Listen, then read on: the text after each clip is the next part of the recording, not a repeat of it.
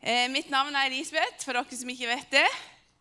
Og ja bor her og trives å være her i denne gode, fine kirka vår. Så det er så godt.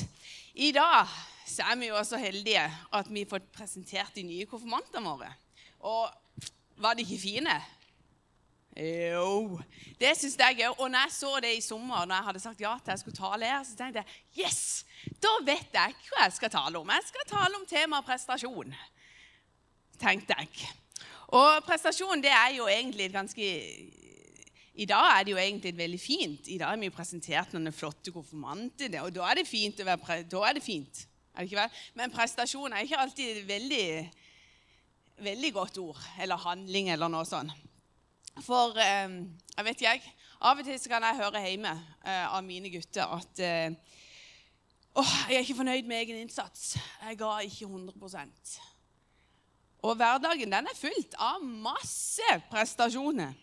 F.eks. at du skal være en god datter, du skal være en god sønn, du skal være et godt forbilde som foreldre. Du skal mestre alle utfordringer som møter deg. Du skal gjøre det bra på skole og på jobb. Du skal yte det beste av deg sjøl i alt du gjør. Du skal oppføre deg sånn som andre forventer du skal være. Og det er jo litt forskjellige forventninger fra ulike mennesker. Og du skal prestere bra på sosiale medier og alltid være pålogga. Ja, det er mye. Rett og slett veldig mye. Og eh, rett og slett, jeg kjente at det var så mye at jeg kjenner at jeg trenger å be. Er ikke det herlig? Kjære Jesus, jeg takker deg, Jesus, for at vi kan komme til deg. Og jeg takker deg, Jesus, for at jeg kan få lov til å tale her i dag. Og jeg ber deg, Jesus, om at uh, det skal være dine ord som kommer gjennom min munn. At det skal være uh, du som taler, og ber deg om at de som sitter og hører på, skal få lov til eller ha et åpent hjerte. Og så la de være åpne, så de kan lytte hva du har å si. Takk for at vi kan legge denne stunden i dine hender. Og nå har det seg sånn at det er ikke prestasjon som er tema for uh, dagen. Det er bønn. Yes. Og det syns jeg av og til henger litt i hop. Er det noen andre som føler det? At prestasjon og bønn det henger i hop? Mm. Yes. Ja. Men i hvert fall Jeg har lyst til å begynne å fortelle dere en bibelhistorie. Og Han står her i Bibelen, i Matteus, men jeg må ha litt større skrift, så derfor har jeg det på ark. Så da begynner jeg. Og det er fra Matteus eh, Nei, vi se hva det var ifra. Markus 5, 21-43. Er dere klare? Yes. Det var altså sånn at Jesus han var på, eh, hadde vært på båttur og kom inn til den andre sida. Og der samla det seg en stor folkemengde. Du kan ta over neste bilde. Og mens Jesus var nær med sjøen, så kom det en synagogeforstander. En leder i menighet, og han heter Jarius. Og han, når han fikk sett Jesus, så kasta han seg ned på føttene hans sine. Og så begynte han å be til Jesus og si, du, du er nødt til å komme hjem til meg, for det er dattera mi. Hun holder på å dø. Kan du komme og legge hendene dine på dattera mi, så kan hun bli frisk igjen? Jesus han gikk med han og fulgte etter, en, fulgte en stor folkemengde etter dem. Og det var mange som trengte seg på. Og midt oppi denne folkemengden så var det ei kvinne som hadde store blødninger. Hun hadde hatt det i tolv år. Hun hadde vært med hos legen og betalt i dyredommen. Hun hadde brukt alle pengene, men uten å bli hjulpen. Det hadde heller blitt verre. Men hun hadde fått høre om at Jesus kom. Så hun tenkte at, eh, og hun kom bakenfra folkemengden, og så rørte hun med kappa til Jesus. For hun tenkte hvis jeg bare får røre med kappa til Jesus, så skal jeg bli frisk. Med en gang så stansa blødningene. Og hun kjente på kroppen at jeg ble helbreda. Jeg har ikke de plagene lenger. I samme stund så merka Jesus at det gikk en kraft ut ifra han. Så han snudde seg i folkemengden og så sier han, eh, 'Hvem var det som rørte med kappa mi?' Og disiplene de måtte jo le litt. De bare Du, Jesus, det er jo så mye folk her. Det er jo noen som trenger seg på deg hele tida. Og så spør du hvem som rørte med deg. Men Jesus, han så seg omkring. Så fikk han øye på den som hadde gjort det. Og kvinna, hun skalv av redsel. For hun visste hva som hadde skjedd med henne. Så hun kastet seg ned foran han, og så fortalte han hva som hadde, han hva som hadde skjedd. Og da sier han til henne, 'Din tro har frelst deg, datter. Gå i fred, og du skal være frisk og kvitt plagene dine.' Men han, mens han ennå talte til kvinner, så kom det noen fra synagogens forstanderens hus, altså fra Jarius sitt hus. Så sier de til Jarius, 'Du, dattera di er død. Hvorfor plager du Jesus nå lenger?' Jesus hørte det som ble sagt, og så sa han til Jarius, 'Frykt ikke, bare tro.' Nå lot han ingen andre følge med enn bare Peter og jo, jo, eh, Jakob og Johannes og Jakobs bror. Og når de kom hjem til Jarus sitt hus, så var det mye oppstyr. Folk de gråt, og de jamra seg, og de var lei seg. De gikk inn, eh, Da gikk han inn til dem og så sa, 'Hvorfor er det så mye støy? Hvorfor gråter dere?' 'Barnet er ikke dødt. Hun sover.' De bare lo av han, for de hadde jo vært inne og sjekka. Men han drev ut alle, og så tok han med seg barnets far og mor og de som var med han. Og så gikk han inn til denne jenta. Og Så tok han jenta i hånda så sier han, 'Lille jente, jeg sier deg, stå opp.' Straks reiste jenta seg og gikk omkring. Hun var tolv år. Og de ble helt ute av seg av undring. Syns den er en veldig fin historie. Og her møter vi altså Jarius han var leder i eh, menigheten. Han var godt likt. Han hadde høy status i samfunnet. Og ting var egentlig på stell hos han. Men denne kvinna hun var ikke så høyt oppe i status. Hun var helt nede på bånn. Eh, folk likte ikke henne fordi hun var syk og hun var uren. Så folk ville ikke ha noe med henne å gjøre. Hun var fattig, og utsiktene for hennes liv for et godt liv, det var ganske svakt. Men midt oppi de sin hverdag så møtte Jesus deg. Og Jeg syns denne historien kan lære oss utrolig mye, og òg om bønn. For det første så er vi mennesker. Vi er alle ulike mennesker med ulike pre eh, presen, pre Det ble plutselig et vanskelig ord, det. Presentasjon Nei. Skjer teksten? Presentasjon Nei. Ja, de presterte, sant? Akkurat som jeg. Presterer ikke så godt akkurat nå. Men de to menneskene de, de oppnådde ulike prestasjoner i livet. Noen var, han ene var høyt, andre var lavt. Ofte så kan man tenke det at for å komme til Jesus, så må man gjøre det bra. Eller når man skal be til Han, så må man prestere bra. Vi må gjøre alle de kristne tingene som å gå i kirka hver søndag. Vi er nødt til å be, lese Bibelen, vi er nødt til å gjøre masse ting. Vi må alltid være, oppføre seg bra. Og vi må alltid prestere bra sant vel, for at vi skal komme til Jesus. Og man kan også tenke at Vi kan ikke komme til Jesus hvis vi tviler eller syns at trua kan være vanskelig. Og kanskje du kan føle at du mislykkes i din tro. Eller at du føler at, at du mislykker i menighetslivet. Eller det med å gi trua di videre. Vi kan av og til føle at for at vi skal komme til Jesus, så er vi nødt til å rydde opp i noen forskjellige ting. For at vi kan komme til Han. Men det trenger vi ikke. For han sier, 'Kom til meg, alle dere som strever og bærer tunge byrder, så vil jeg gi dere hvile.' Kom til meg. Ikke bare alle dere som går i kirka hver søndag, men alle mennesker. Og ikke kom til meg bare når du har det bra, men kom til meg når du har det tungt. Og så synes jeg det er så deilig, for Jesus han gjør ikke forskjell på folk. Og Det kan vi lese om. Nå forstår jeg virkelig at Gud gjør ikke forskjell på folk.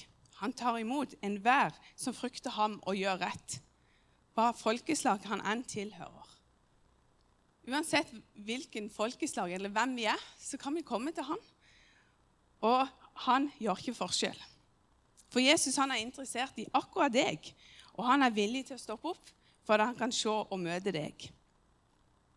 Og vi kan be på ulike måter. Jarius han kom til Jesus, og han hadde sitt håp på Jesus. At han hadde et håp på at dattera skulle bli frisk. Og når han kom til Jesus, så knelte han ned og så ba han høyt til Jesus. og sa han, 'Jesus, du må komme hjem.' Mens den syke dama hun var skjult i, i folkemengden. Hun sto ikke med en mikrofon og ba høyt, men hun kom, og så tenkte hun det i sitt indre. Hun tenkte en tanke at bare Jesus, hvis jeg bare får rørt med kappa, så kan jeg bli frisk. Vi kan komme til Jesus med ulike utgangspunkt, og vi kan be på ulike måter. Kanskje du tenker at de som ber de lange, fine bønnene, og de som står på scenen her, det er de som kan be. Eller de som gjenger i kirka, det er de som kan be. Men alle kan be. Og eh, Jesus ønsker at vi skal komme til han, og han ønsker det personlig. Han ønsker å møte deg og ha et personlig og nært forhold til deg. Han ønsker ikke noe som på avstand eller upersonlig, men han bryr seg om deg. Vi kan be til han høyt. Vi kan be til han inne. Vi trenger ikke si noe heller. Han vet om oss. Og han ønsker å ha et vennskap sammen med deg. Og det som er så deilig, Han ser ikke på det ytre, men han ser til hjertet. La ikke bønner be noe fjernt og fremmed, men la det bli noe hverdagslig over det. Ikke la det bli en prestasjon ut av det, men la det bli en relasjon. Øv deg til å snakke i hop med Jesus i det hverdagslige du står oppi. Det står så fint at når dere ber, skal dere ikke ramse opp ord slik hedningene gjør. De tror eh, de blir bønnhørt ved å bruke mange ord. Vær ikke lik dem, for dere har en far som vet hva dere trenger, før dere ber han om det. Han kjenner oss, og han vet alt om oss. Og av og til så kan det være litt vanskelig å be, for vi vet ikke alltid hva vi skal be om. Og Da er det godt å huske på at på samme måte kommer Ånden oss i hjelp i vår svakhet. For vi vet ikke hva vi skal be for å be rett. Men Ånden selv går i for, forbønn for oss med sukk uten ord. Til og med Ånden kan Og det er nok. Det, det er nok for at vi kan be til Han. Det er et Og så vet Han det. En annen ting som vi kan lære fra denne historien, er skuffelse i bønn og trosliv. For det er, jeg syns det er veldig godt å kunne be til Jesus for det er så himla trygt, og det er så godt. Og tenk at han som har skapt himmel og jord, han ser lille meg, der som jeg har et lite sukk. Jeg kan tenke meg at Jarius ble så sinnssykt glad når Jesus eh, begynte å gå med han hjem til huset hans sitt. Jeg får et bønnesvar. Jesus han har hørt meg. Han har sett meg. Men før de rakk å komme hjem, så skjedde det andre ting som gjorde at tida rant ut. Og Det kom noen fra hjemmet hans som sa at han trengte ikke komme, for dattera til Jarius var død. Jeg kan tenke meg at skuffelsen var ganske stor fra å være glede men som Jesus har hørt meg, til Nei, han hørte meg ikke allikevel. Det gikk jo ikke som planlagt. Og hvorfor måtte Jesus stå opp? Nei, men eh, stoppe opp og gjøre masse andre ting? Og Hvis det hadde vært meg som hadde vært Jarius, jeg hadde vært dritirritert på Jesus. Jesus mm, er du idiot? Kunne ikke bare komme til meg først, og så ta den dama etterpå? Jeg tror jeg hadde blitt sur på han og irritert på han, og så hadde jeg sikkert bedt tannene litt i jorda så hadde jeg slått han i grana. Ja, det tror jeg faktisk. Og vi kan oppleve skuffelse i vårt bønneliv. Jeg tipper meg at flere av dere har bedt om ting der vi liksom Yes, nå, Jesus, nå tror jeg det går bra. Nei, søren plystre, de gjør ikke det. Det gikk helt det motsatte det vi har bedt om. Og vi kan bli skuffa, vi kan bli lei oss, vi kan bli irriterte. Og Man kan tenke at Jesus han ser bare alle de andre, men han ser ikke meg. Hvorfor har han svikta meg? Og Da kan vi begynne å tvile, og vi kan bli sint og irritert på Jesus. Og vet du hva? Det er lov. Jesus han er faktisk rygg til å bære at vi er litt sinte og irriterte. Og han syns det er helt greit at vi slår han i armen i grann.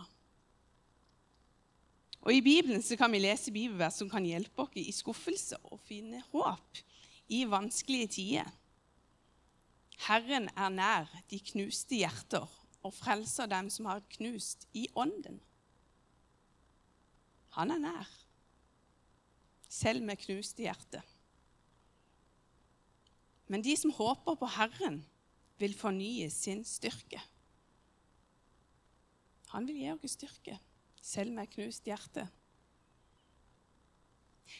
Jeg tenker på det hele tiden. Min sjel er nedtrykt. Men én ting jeg legger jeg meg på hjertet, og dette gir meg håp. Herren er nådig. Vi går ikke til grunne. Hans barmhjertighet tar ikke slutt. Den er ny hver morgen. Din trofasthet er stor.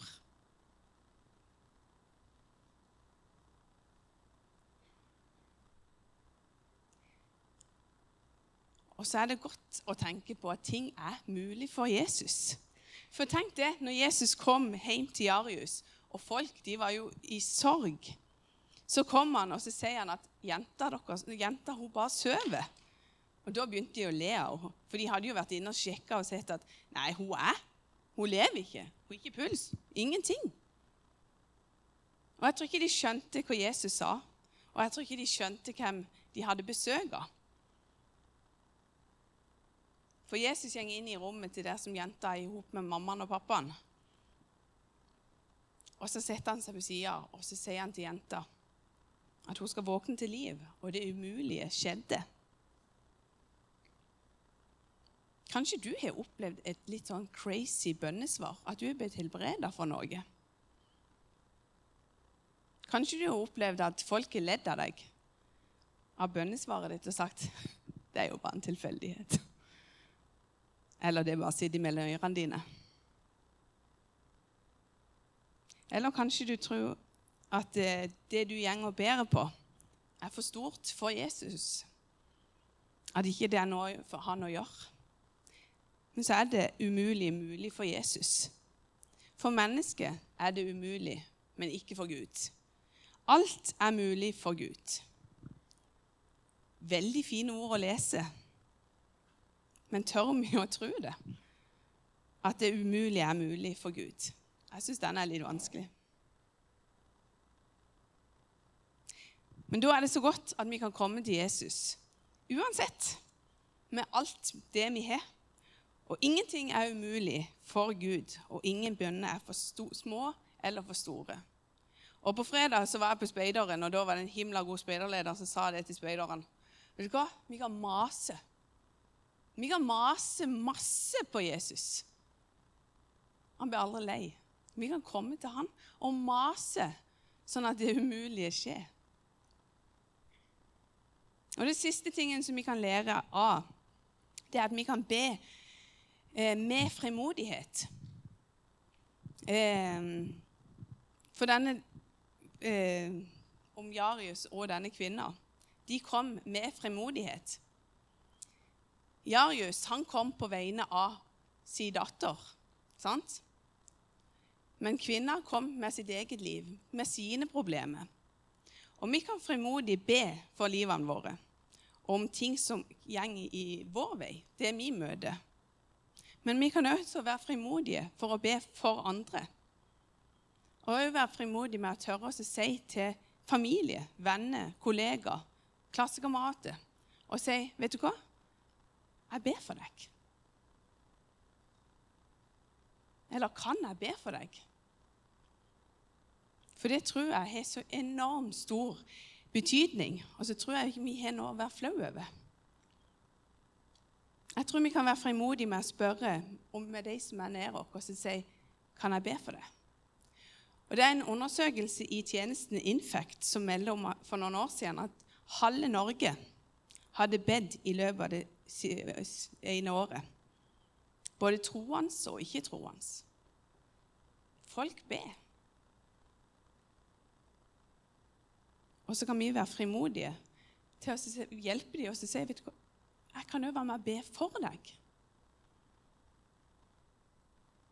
Det stender La oss derfor frimodig tre fram for nådens trone, så vi kan finne barmhjertighet og finne nåde som gir hjelp i rett tid. La oss være frimodige til å bruke den muligheten vi har, at vi har en far i himmelen som ser oss, som kjenner oss, som vet alt om oss, og som elsker oss for den vi er. Ikke for det vi gjør, men for den vi er. Og at vi kan komme til Han med våre liv, men så kan vi også frimodig tørre oss å spørre og be for andre. Jeg tror det kommer til å skje masse ting, og mange umulige ting kan bli mulig hvis vi tør å bruke muligheten og se viktigheten av den bønna som vi kan komme med. Og så trenger det ikke være så mange fine ord. Men vi kan komme sånn som vi er.